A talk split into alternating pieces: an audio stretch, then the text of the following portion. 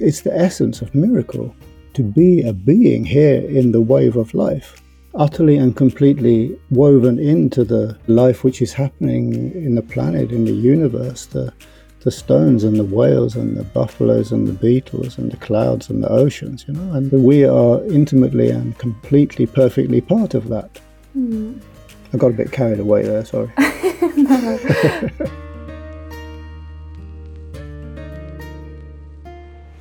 Jag heter Josefin Turesson Kämpe och i den här podden får du följa med mig när jag letar rätt på visdomen som gömmer sig bland oss. Mitt mål är att gå till botten med de där djupare frågorna som vi alla innerst inne bär på. Vad är meningen med livet? Vad är roten till våra samhällsproblem? Hur aktiverar vi vår fulla potential? Och hur blir vi lyckliga? Det här är Visdomsjakten och jag hoppas att den här podden ska ge dig inspiration till att leva ett medvetet liv, växa som person och hitta din grej. Vi gör den här resan tillsammans för en visare värld.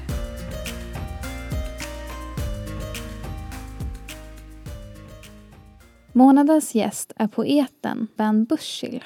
Ben kommer från England men bor sedan 17 år tillbaka i ett community utanför Göteborg med sin fru och sina barn.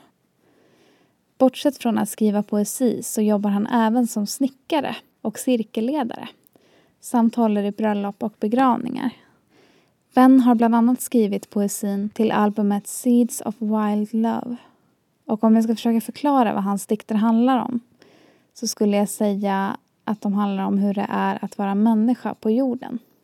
Om kärleken till livet och att se på existensen med förundran och tacksamhet. Och hans förhoppning är att genom sin poesi leda människor till inre nycklar och insikter. Att lyfta oss till en högre vibration och få oss att komma ihåg att livet är så mycket större än vi kan föreställa oss. Och när jag har hört hans dikter så har jag flera gånger börjat gråta för att jag tycker det är så himla fint och sant och träffar en in i själen verkligen. Eh, och jag skriver också en del poesi och håller överlag på mycket med skapande.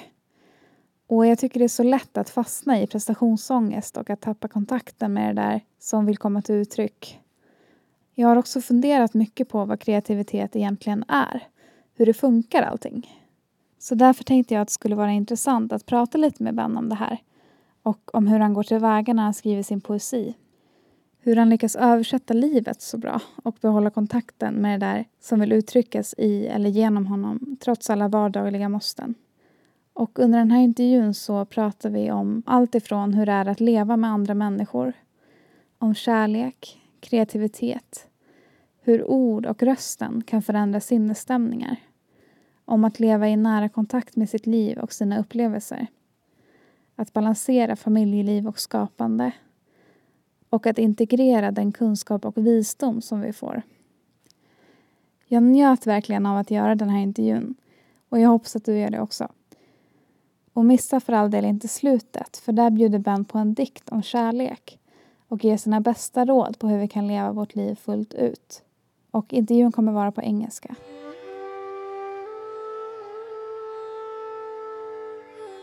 So now I sit here with Ben Bushill, who is with me online today from Svenshögen, which is a bit outside of Göteborg.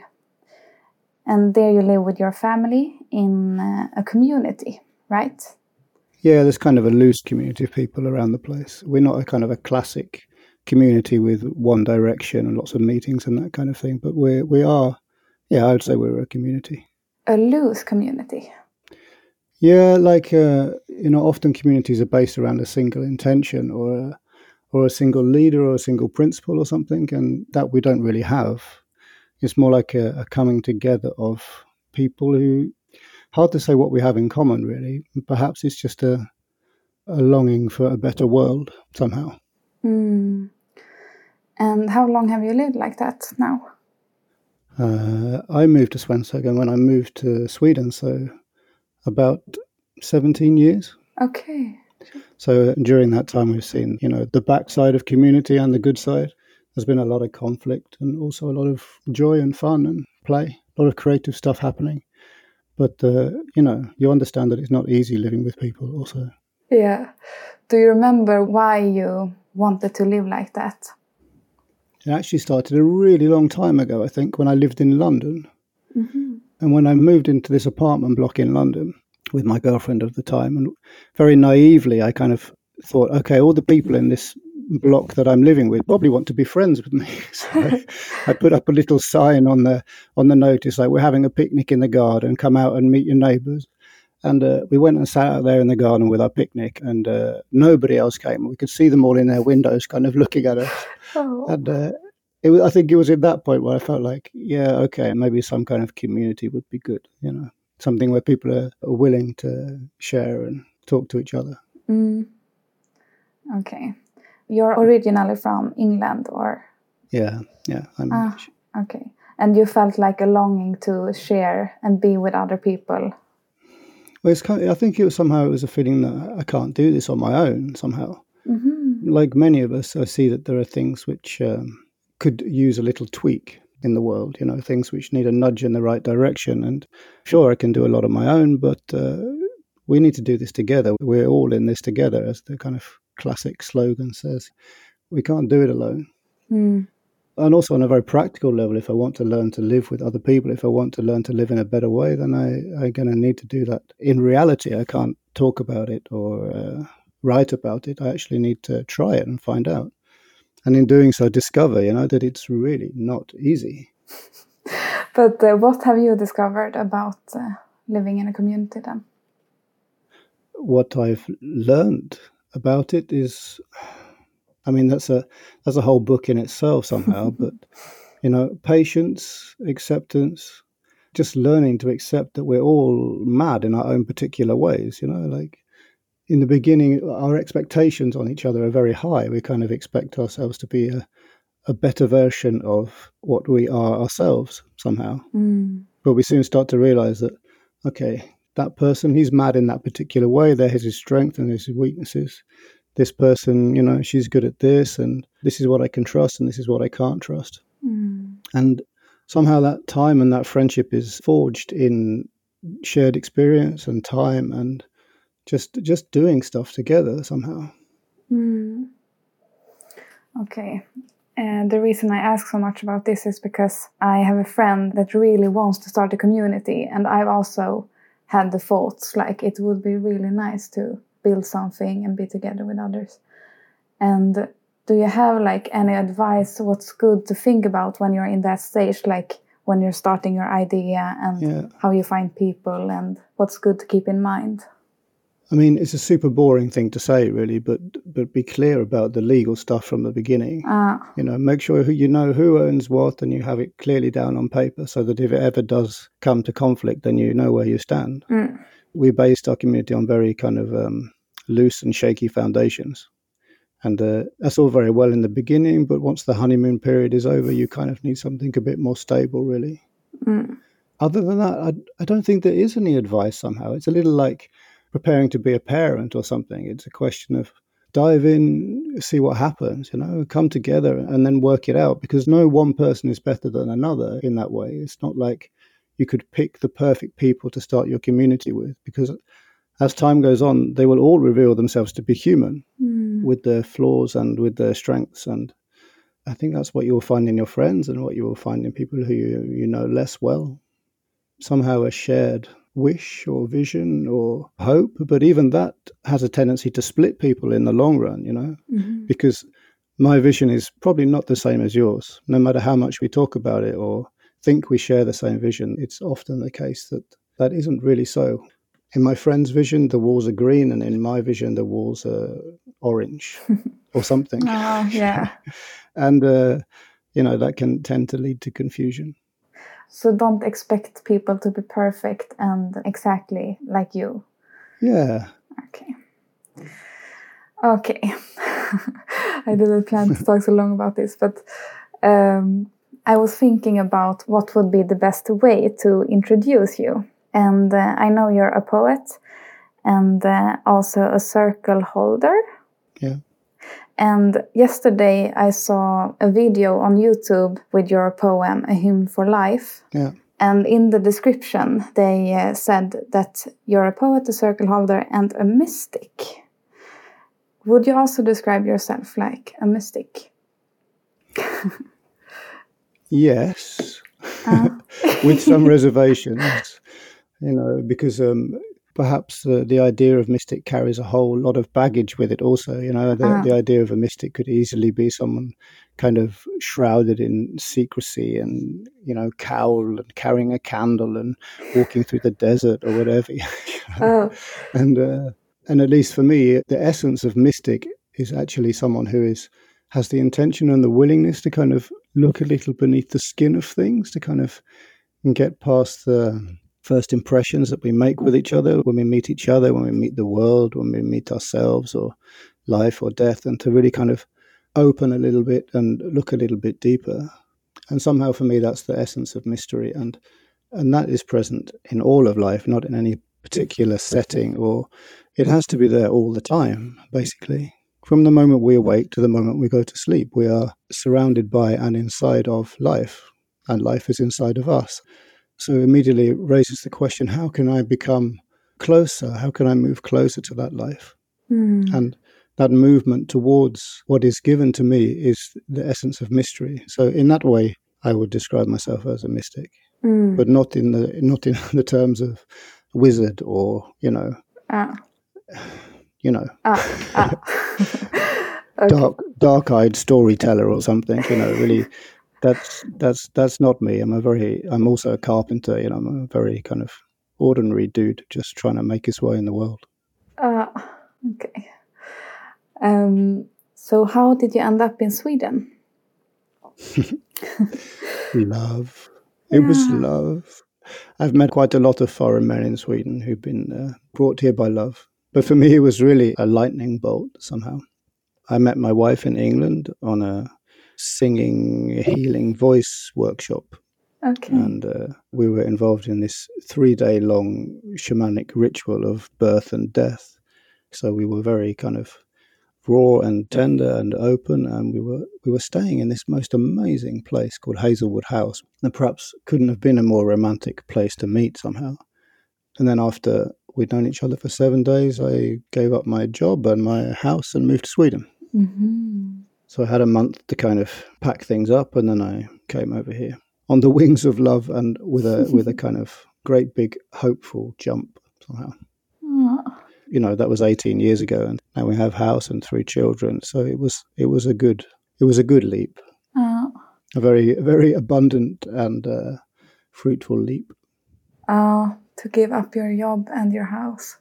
Well, I, I kind of felt like okay, I'm in love. What am I going to do? Am I going to kind of sit around at home and write letters for a year and make phone calls and have the chance to get confused? And probably better just to jump and see what happens and, and, and, and live it. Mm. And if I live it, maybe I'll know for sure. Mm. Oh, that's really interesting because I often have situations when I really want to control and feel like the fear is stopping me from taking that leap has a big insight for you like been that it's always worth it to take the leap or? I don't know. Mm. i don't know. I mean uh, then it was worth it. Somehow it's to know when it's the right time. You know like i could push myself and say right i'm going to take a leap into supporting myself entirely as an author or something. But at the same time i know i'm dancing with family and home and children and all those needs. So I'm not entirely sure it would support me entirely to make that leap. Mm, you need a balance. It's a balance. Oh. But at that point, when I made the move to Sweden, there there was really no option somehow. It was like, you got to jump now. And so then the fear is kind of irrelevant somehow. Then you jump with your fear.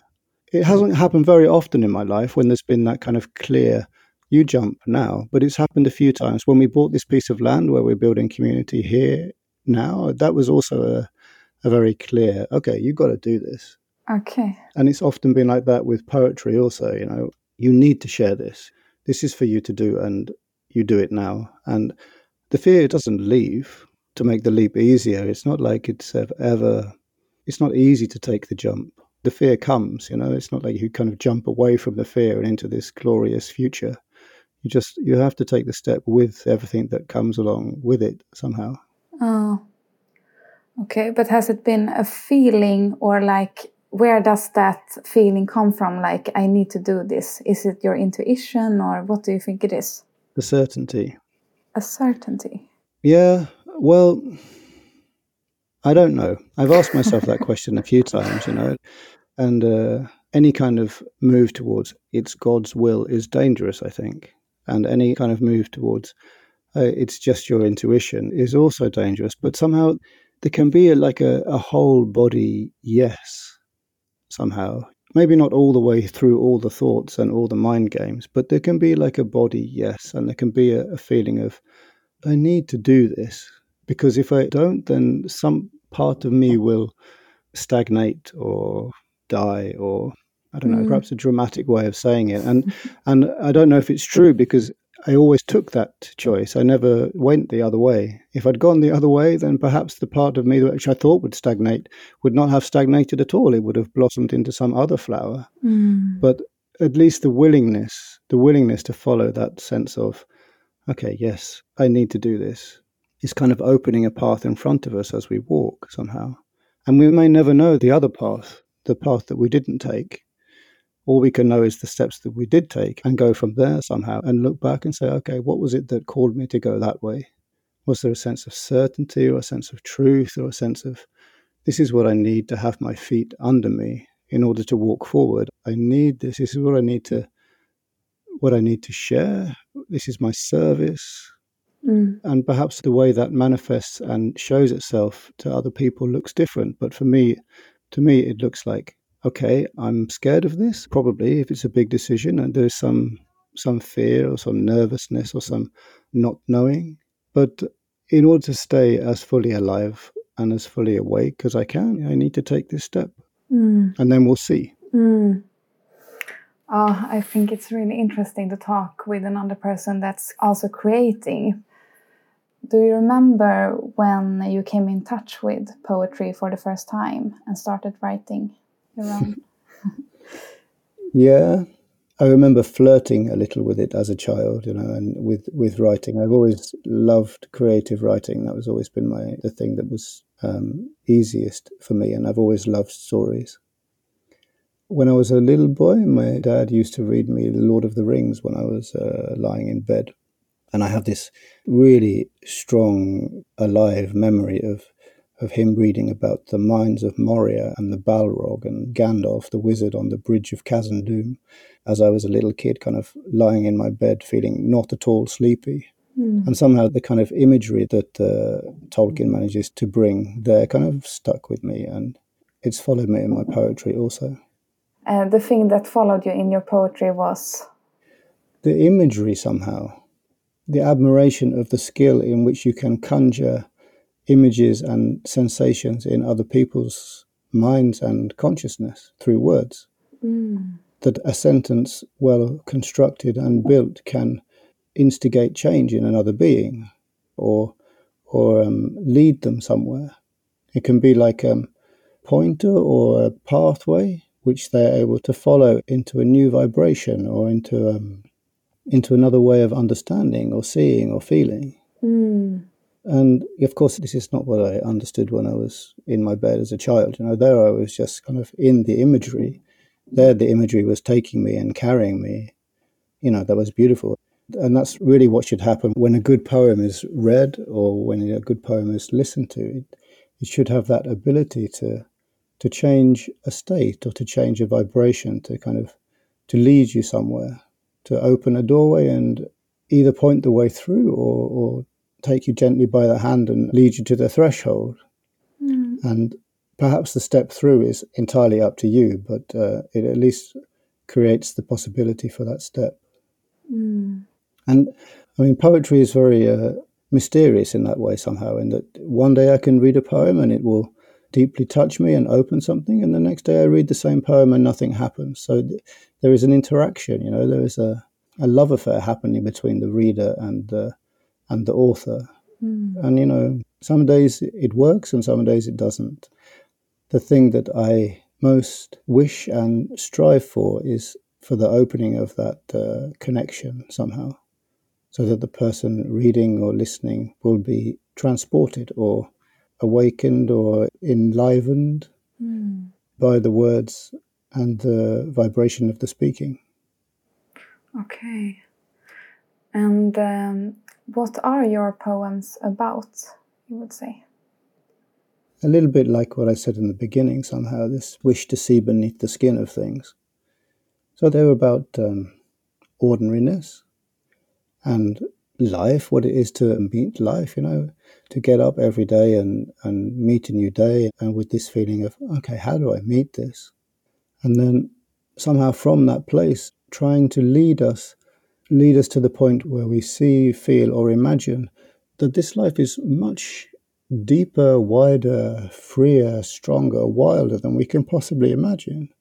Much more than we think we know or understand, much more than the names and images we put on things and people and experiences.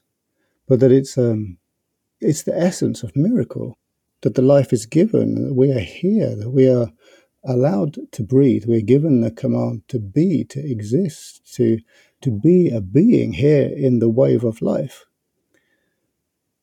Utterly and completely woven into the life which is happening in the planet, in the universe, the, the stones and the whales and the buffaloes and the beetles and the clouds and the oceans, you know, and we are intimately and completely, perfectly part of that. Mm. And at the same time, we are unique and alone and wonderful.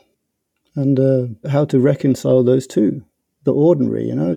I have a lot of ordinary in my life. You know, I have three kids, one of whom is special needs and epilepsy and all kinds of things. So there's a lot of domestic demands on me I'm having to do a lot of a lot of cleaning and a lot of washing and a lot of taking care of people who need to be taken care of. Mm. And it's very ordinary. And some days it's very boring. On the worst of days it's terribly frustrating. And yet, you know, there has to be a way through. There is always a way through. There is always a way through back to love and back to the depth of understanding. And on a very good day, that's what the poetry is about it's about how to how to remember, because it's nothing that we need to learn. Really, it's not something that we need to do anew. It's more that we've just forgotten. We've just forgotten that our day to day existence is is miracle, and the, the poetry is a is a reminder somehow. Mm. Oh. I got a bit carried away there. Sorry. no, no, it's beautiful to hear you speak like that um, I was thinking like this way of seeing the world that you have. Is that from some kind of insight you've had, or have you met people, or how have you come to that understanding about the world and yourself? Well, I've been here 48 years now, so I'm not an old man, but I'm not a young man. uh, I have some um, some experience along the way, and uh, I've been lucky enough to have some amazing teachers a kind of eclectic collection of Tai Chi, yoga, mystery school, plant medicine, a whole kind of um, community, family. Okay.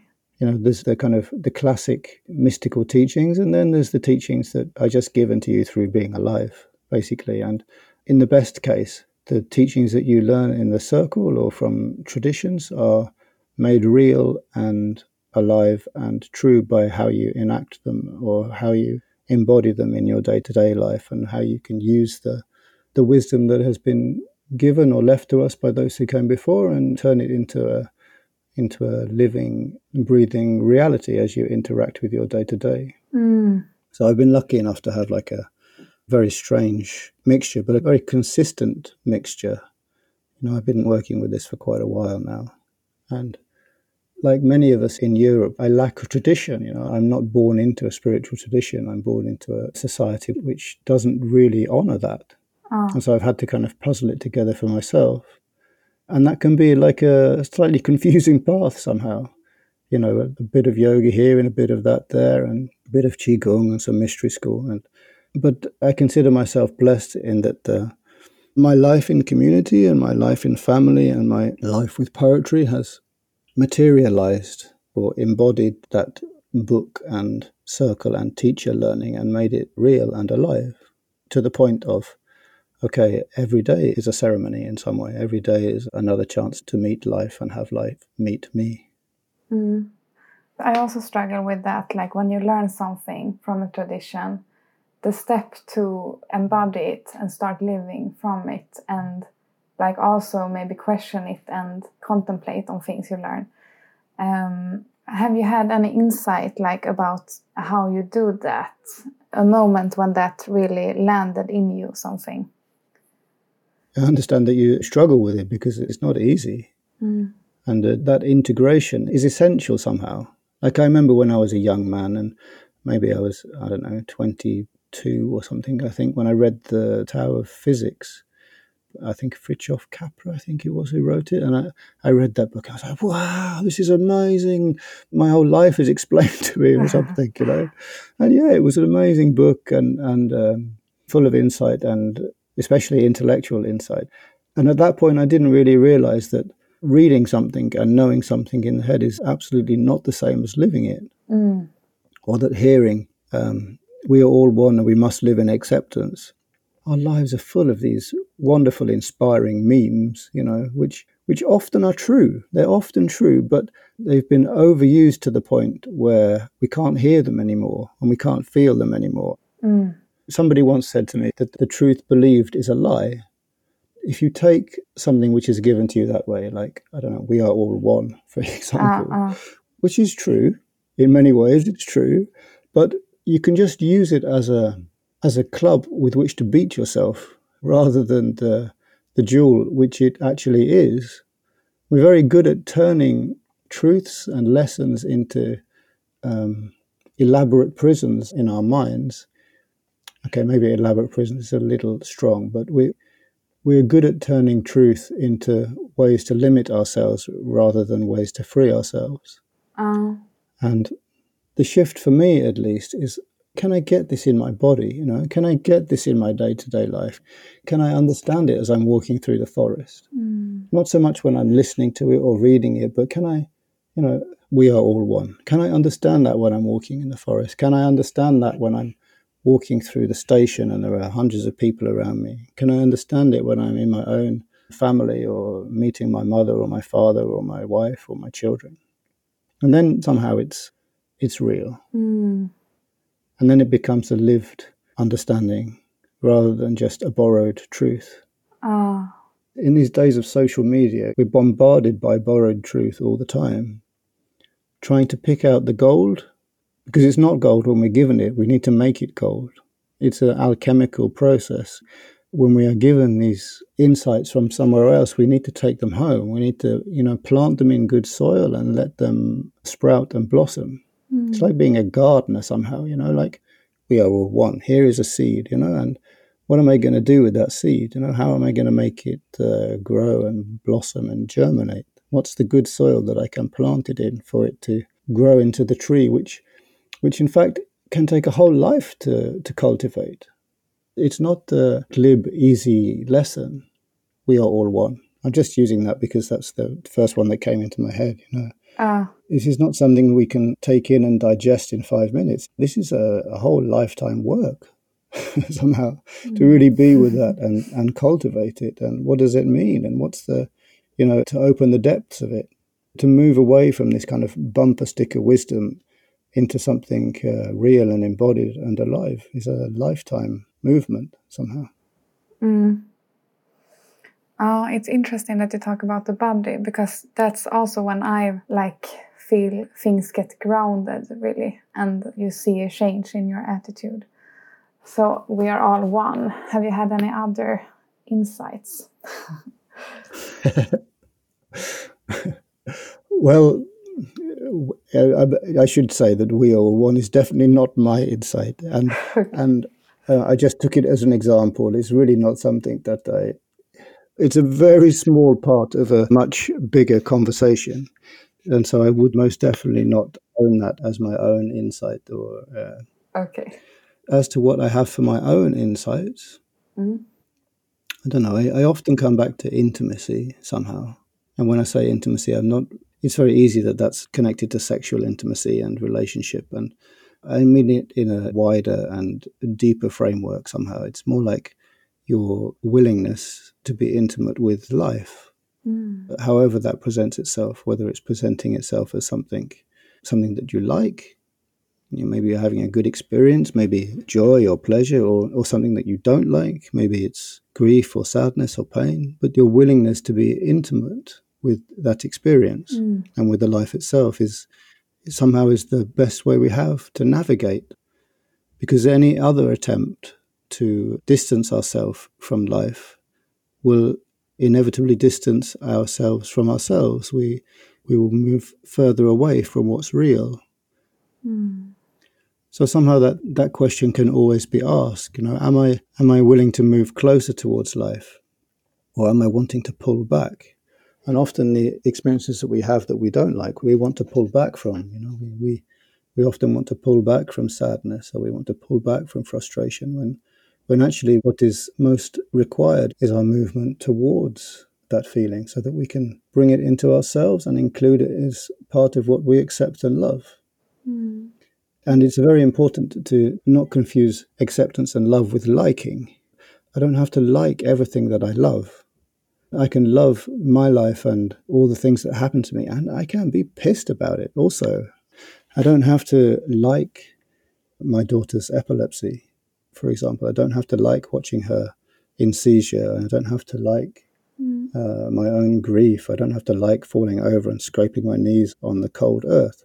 But I can bring it in. I can be intimate with the experience. Because if I'm not, then I'm missing a huge part of life. I'm, I'm kind of saying no to 50% or something, you know? Mm. And that yes, if you can't manage a yes, then at least the, the willingness to say yes, the willingness to be intimate, for me, that rests at the center somehow. If you're asking for insight, at the center of how we relate to life is our willingness to be intimate with everything that we are given. Mm. And how do you know how you are intimate with life? Well, I guess it goes in stages. I mean, often the easiest way for me, at least, is to bring it into the body.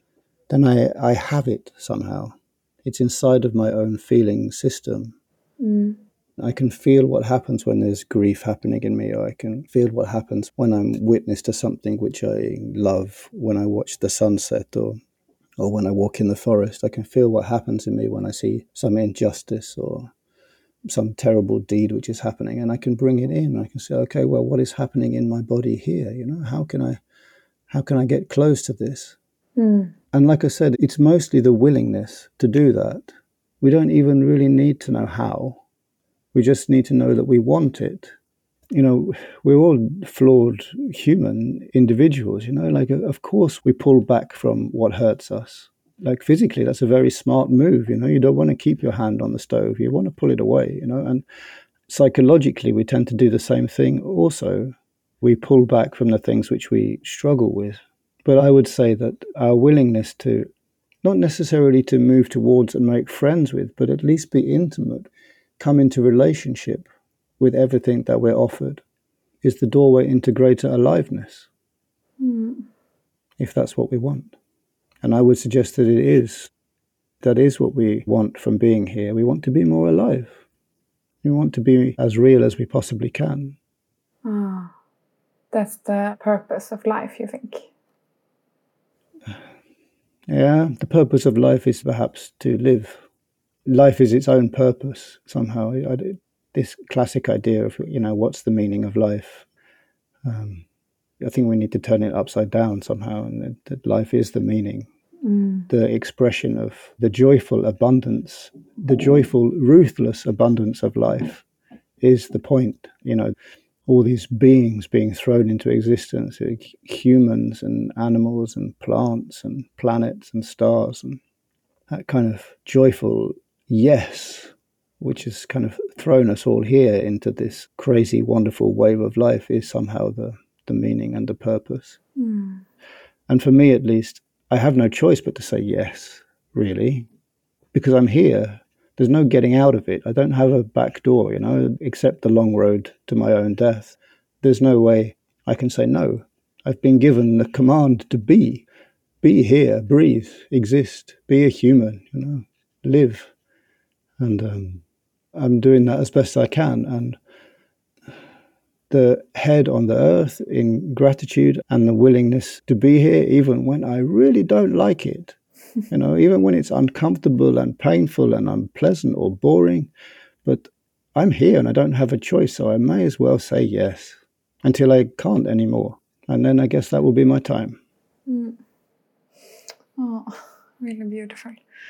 So, when you have this intimacy with life, I was thinking like many people, including me, sometimes live a lot with distractions, like a lot of TV, and uh, maybe it's hard to feel the body and feel life when you're constantly distracting yourself and everything goes fast in your day. And mm. do you believe that distraction can be bad for that or make it hard to feel?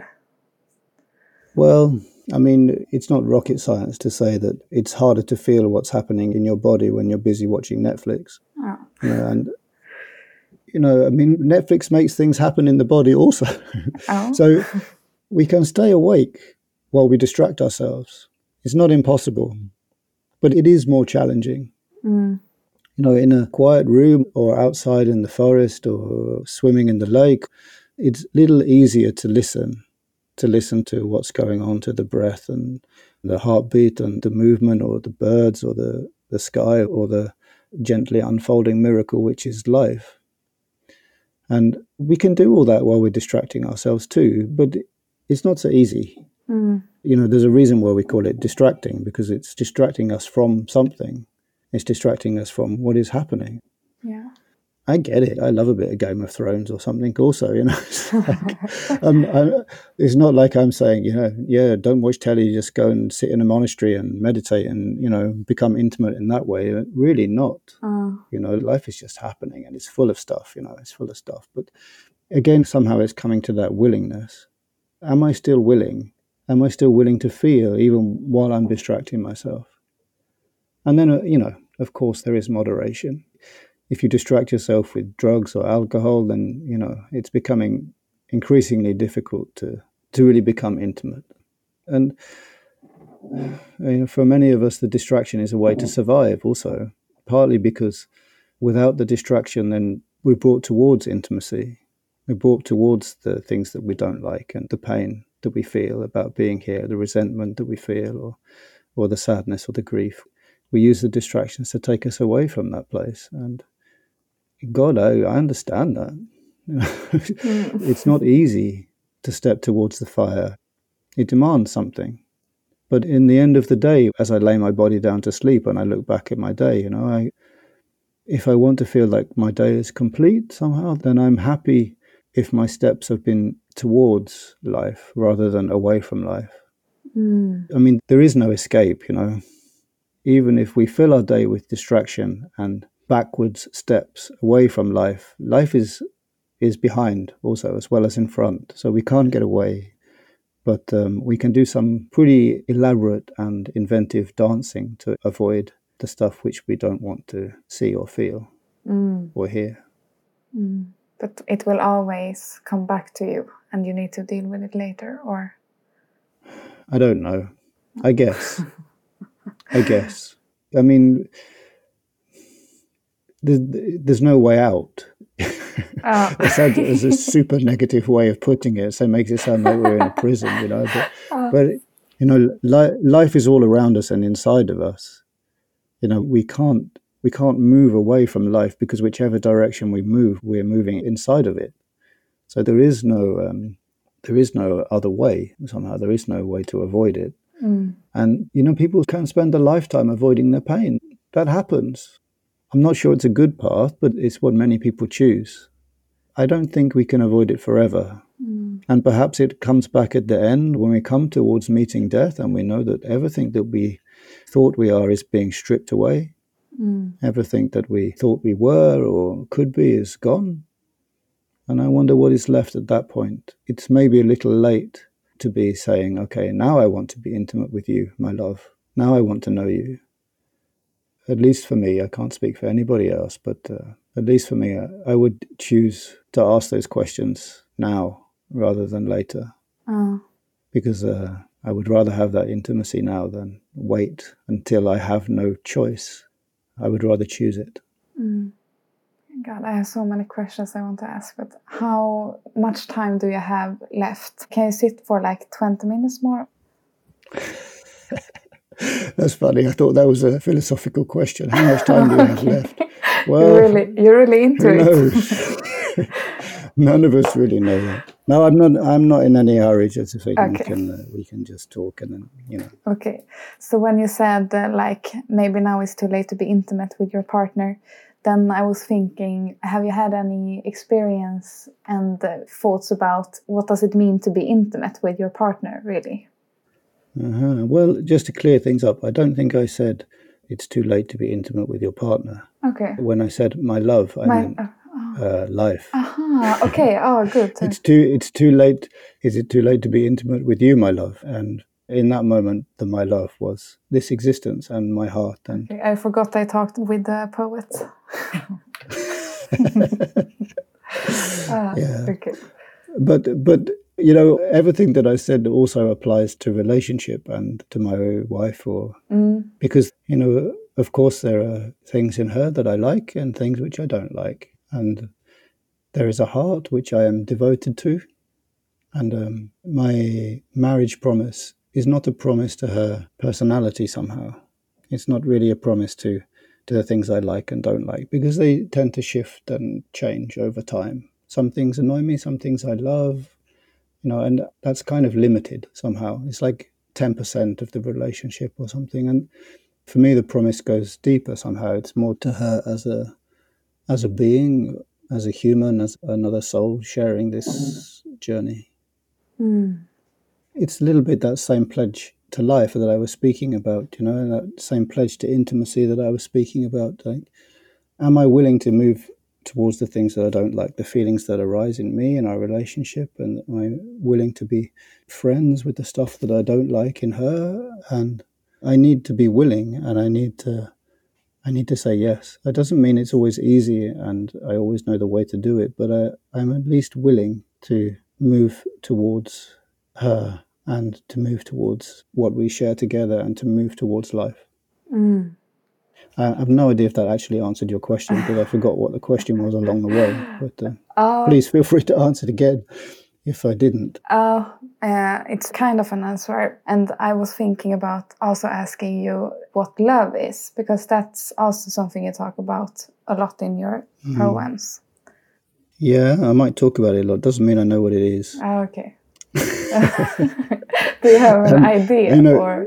That that you know, what is love is a fantastic question. It's a fantastic question, and it doesn't need an answer.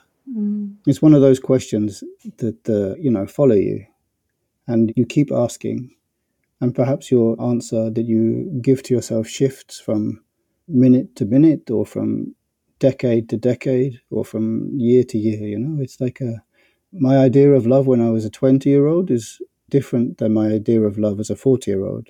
Perhaps even my idea of love yesterday is different from my idea of love today. But the question asks something of me. You know, it asks me to push up against it. You know, okay, what does it mean? You know, what is love? What is the love that I share with my partner? What is the love I have with my children? What is the love I have for the sacred earth? You know, like it defies definition. Mm. And um, that may seem like a glib way to get out of answering the question. Uh, and it is in some way, but it's also true. You know, it's also, uh, it is one of those questions that I, I can still be asking myself when I'm, when I'm 80. And I will probably get a different answer to what I give now. Mm. I think I maybe would be a little bit worried if you were like, I know what love is, I realized it. Then maybe that would be also a bit uh, because uh, I think you're right in that that maybe one person cannot have the answer. Yeah, I think you're right. And these, uh, you know, these certainties and bumper sticker wisdom, like I was talking about before, you know, they're easy to offer and. Um, often it's a signpost that that kind of certainty love is this you know love is passion or love is truth or love is intimacy they, I don't know. They're true for a while and then they change, and the definition needs to be expanded, Mm. and the heart needs to be expanded. But I've heard like different, uh, like the definition of love. And uh, one person that I talked with said that love isn't necessarily an emotion or you need to feel a certain way. It can be like actions. And another person said that no, of course, love is something you feel. So, do you have any standpoint in that? Like, is it in your body or is it I would say it goes beyond all of those things somehow. okay? I would say that we are we are loved more deeply than we can possibly imagine in every waking moment.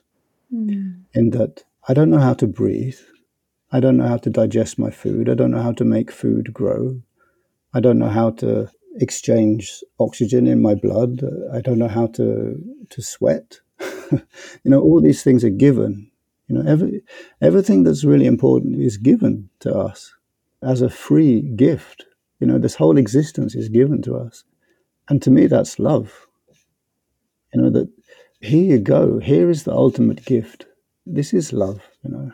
And if I come from that standpoint, if I come from that standpoint of everything which is given to me is love, then somehow love goes beyond all of the rest. It goes beyond the feeling and it goes beyond the emotion and it goes beyond the thought and it goes beyond the action. It kind of lies as an undertone for everything. You know, like the great om sounding behind the whole of creation, or, you know, different traditions have talked about it in different ways. But the, Mm. It's universal somehow. yeah, I would say it is what gave birth to life Okay. and is continuously birthing life. Mm. because that's not a finished process. It's not like life was born and then that was it. You know, life is continuously being born. Like seeds are continuously being sown, and both physical seeds on the earth or out in the universe, but also with our actions and with our thoughts and with our words, we're sowing seeds all around us all the time. Mm. I did actually make a poem about this. Do you want to hear it? Ah. It's quite short. ah, yeah, sure. Uh, it's love that moves the trees. It's love that the insects dance through in the evening's gold. It's love that forms the waves and love that turns the water to a silver sheet of light. It is love which cries out in longing and love that is fulfilled. It is love that causes a hand to be raised in anger and love that bleeds from the wound. Love made me, shaped me, and will surely kill me. And I am a willing sacrifice. I am stretched on the altar of love, which is this sacred earth, as the spear of my breath destroys and remakes my heart in a perfect moment made of love. Beautiful. And, you know, that was my best attempt in that moment to answer that question. Oh, And uh, like I say, I, I don't feel like it's a question I can really answer. But uh, in some way, almost all the poems that I have written have been an attempt to answer that question. mm, okay. So when I thought about what I most wanted to ask you after I heard your poems, and like I'm a creator also, and I also write a bit poetry sometimes, and uh, the biggest like challenge for me in being creative and creating things is like how do I move from what's true inside? And how do I hear the words that I want to? Maybe when I write something it begins with like a feeling or something that's happened or something. And I start to write and then I feel like ah I lost contact with what it was. Um, and th- that's also like when I make movies do I move from a true a clean creative power or is it like ah I get distracted and then I don't feel it anymore. Um, what have been your experience around that? Because when I hear your poems it's so magic and it feels like you're in such great in touch with something like in yourself and with the universe. How do you manage to keep that contact and ah. Yeah, I, I understand the question. And that happens to me also. You know, like I have the feeling and I want to get it down and I don't always succeed.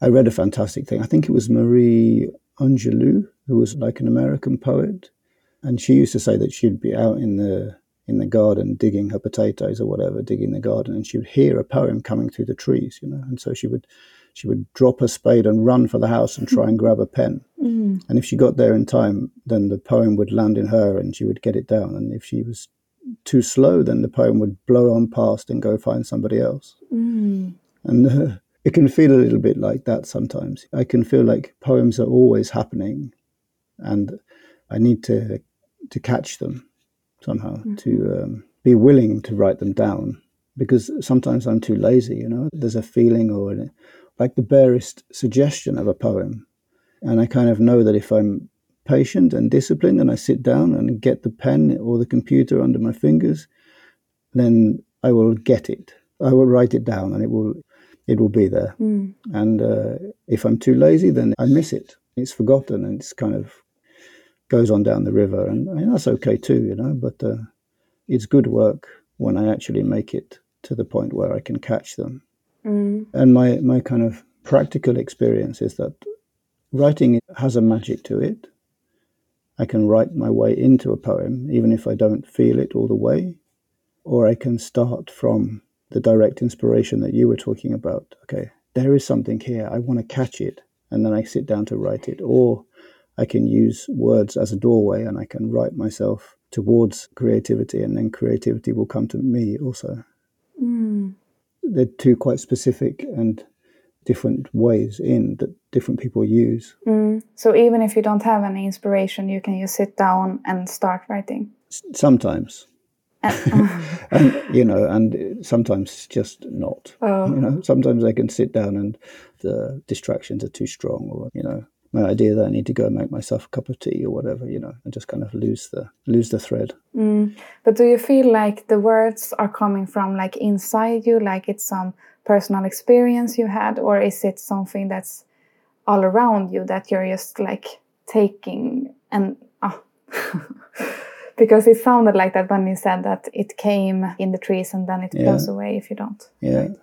Yeah. I mean, for me, it doesn't look just like that, but it's a little bit like that. There's something in that which speaks to me.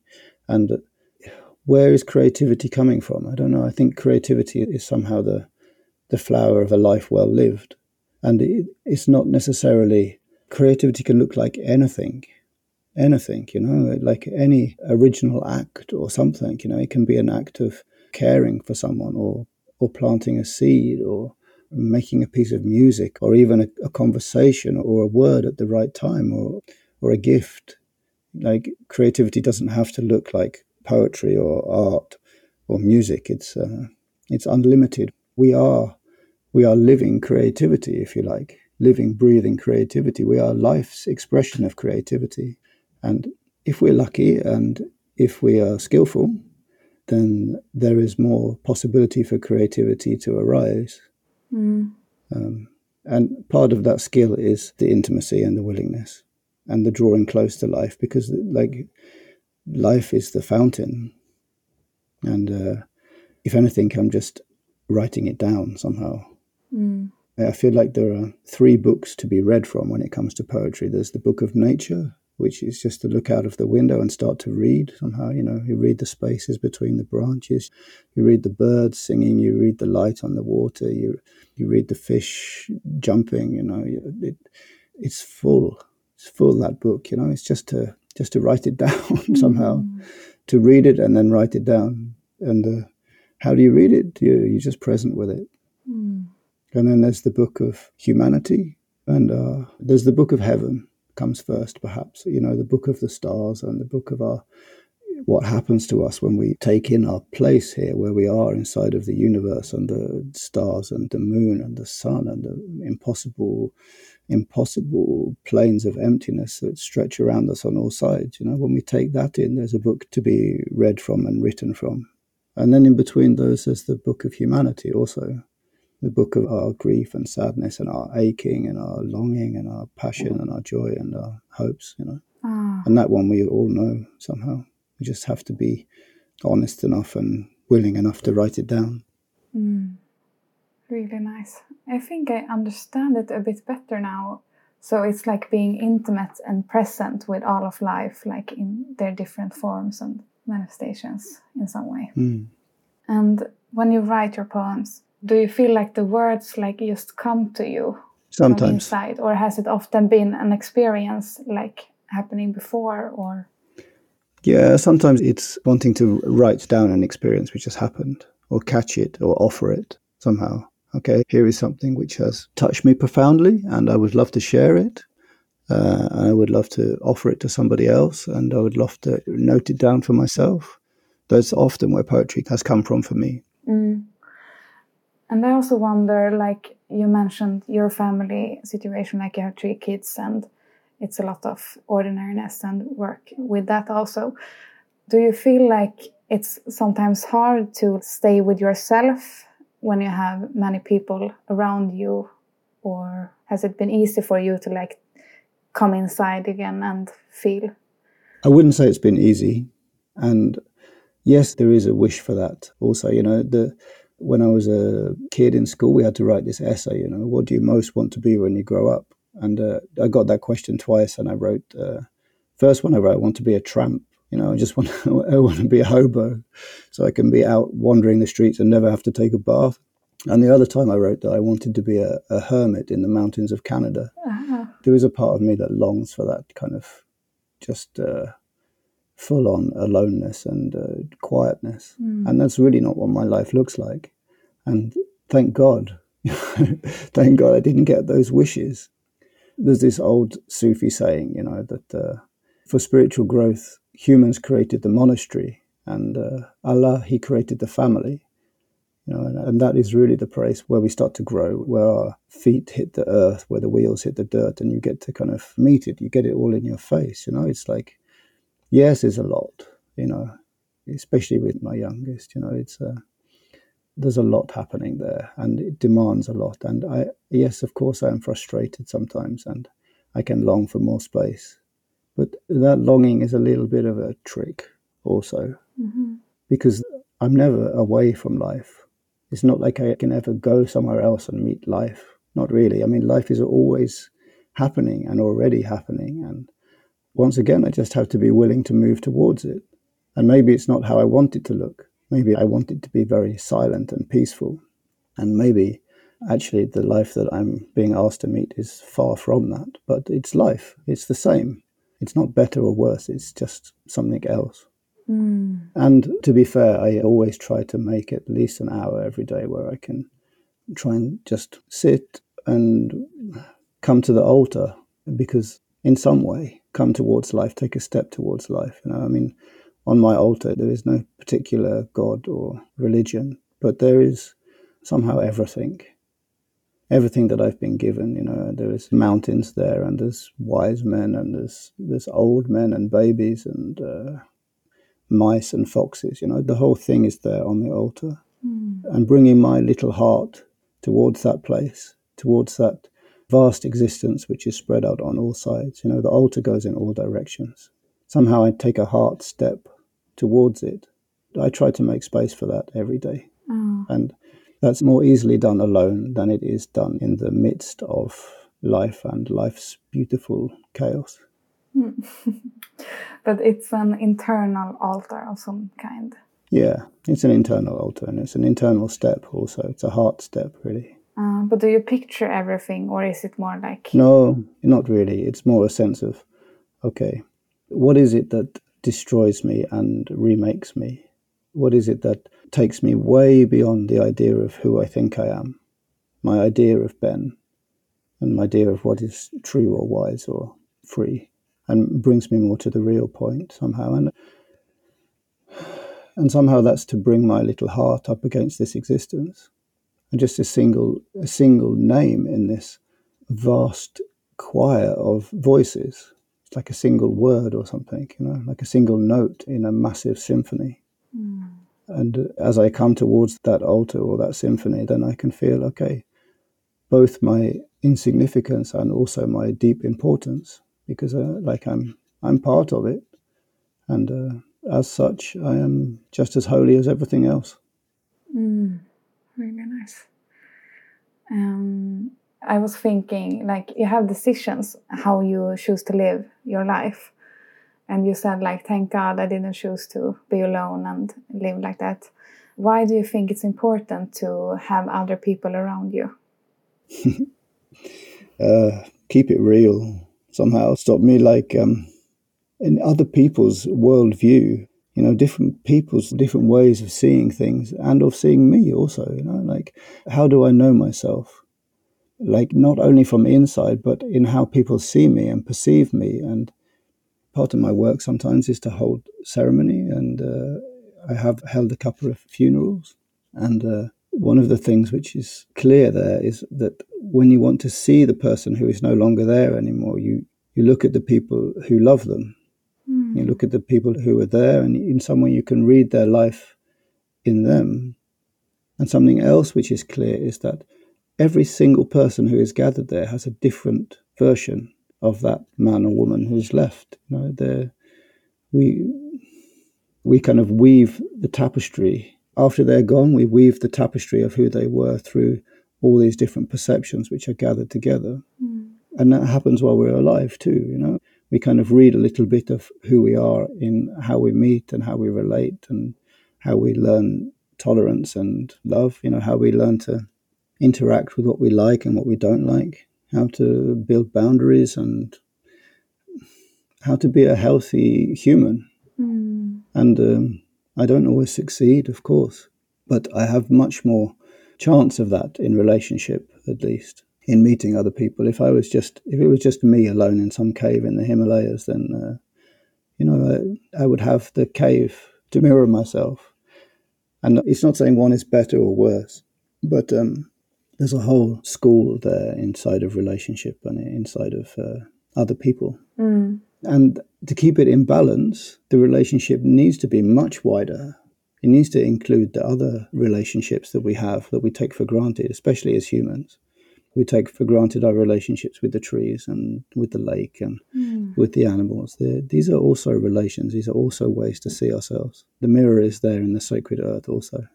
As humans, we totally obsessed with ourselves. You know, we tend to see each other only through other human eyes. And sometimes I think it's healthy to be witnessed by something else also. Mm, interesting. I could talk to you for a long time. but uh, uh, maybe we should sum it up.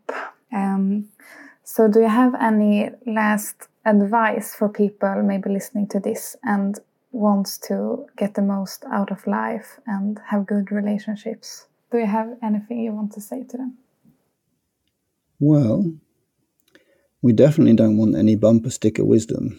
We definitely don't want any, you know, do like this and everything will be okay. There is no handbook. We're not given an instruction booklet when we come here. We kind of just cast into the sea of life and asked to swim. Mm. And we all do our best. And um, success or failure is very relative, really. Something that helps me is when I come to the end of my day, because in some way I feel like sleep is very much a preparation. It's very much like death. You know, we are laying our body down, our body has had enough, it can't go on, we lay it down and we, we cast ourselves out into some sea which we don't really understand. You know, we don't really know where we're going. And and so um, when I come to the end of my day and I, if I take a look back at the day that's been, I understand that it can't really be about my successes or my failures because those change every day. You know, some day I feel like, okay, that was a great day. I got a lot done, or I, I was kind, or I was compassionate. And some days I feel like oh, I was a bit of an asshole, or I forgot this, I forgot that birthday, or I put that nail in wonky, or whatever. You know, the the successes or the failures somehow they aren't so important. Mm. But somehow I have to be able to make peace with my day and in that way make peace with my life. Because one day I'm going to be asked to do that, to make peace with my life. And uh, I don't think it can be about my successes or my failures or whether I'm a good person or a bad person. But it can happen in the moment. There can be a peace that arises from, okay, this is it, you know. I am part of life and life is part of me. And here I am. Here I am. And life is unfolding and I am unfolding. And Thank you. thank you for that. You know, thank you for the love which is given with every breath, and thank you for the day that was given, even if it really sucked. Thank you anyway, because it was experience. You know, it was real. It was, I was there. You know, thank you. If there was any one piece of advice to be given, it's it's gratitude, really, mm. a sincere gratitude for all of it, even the stuff that we find it really hard to say thank you for, because it's all life and in the end, that's the one gift. The one gift is life. The one gift is the existence that we have. So it's really, it's like one thank you, mm. one big thank you, which encompasses all of it without uh, excluding anything. And that is a lifetime challenge how to say thank you for everything because as we all know, you know, there, there, are so many things that we don't want to say thank you for. We resist it. We resist our experience and we resist our feeling and we resist what's happening in the world. And the movement towards gratitude is the movement towards life. And that movement brings us closer to who we are and and to our own hearts and our own hopes and our own creativity also. Mm. Oh, I feel like when you talk, sometimes I get like hypnotized by your words. Sorry. but oh, really nice way to sum it up. And I'm really grateful for talking with people like you. And uh, I feel like the things you say, it uh, really affects me and uh, get me to think about stuff.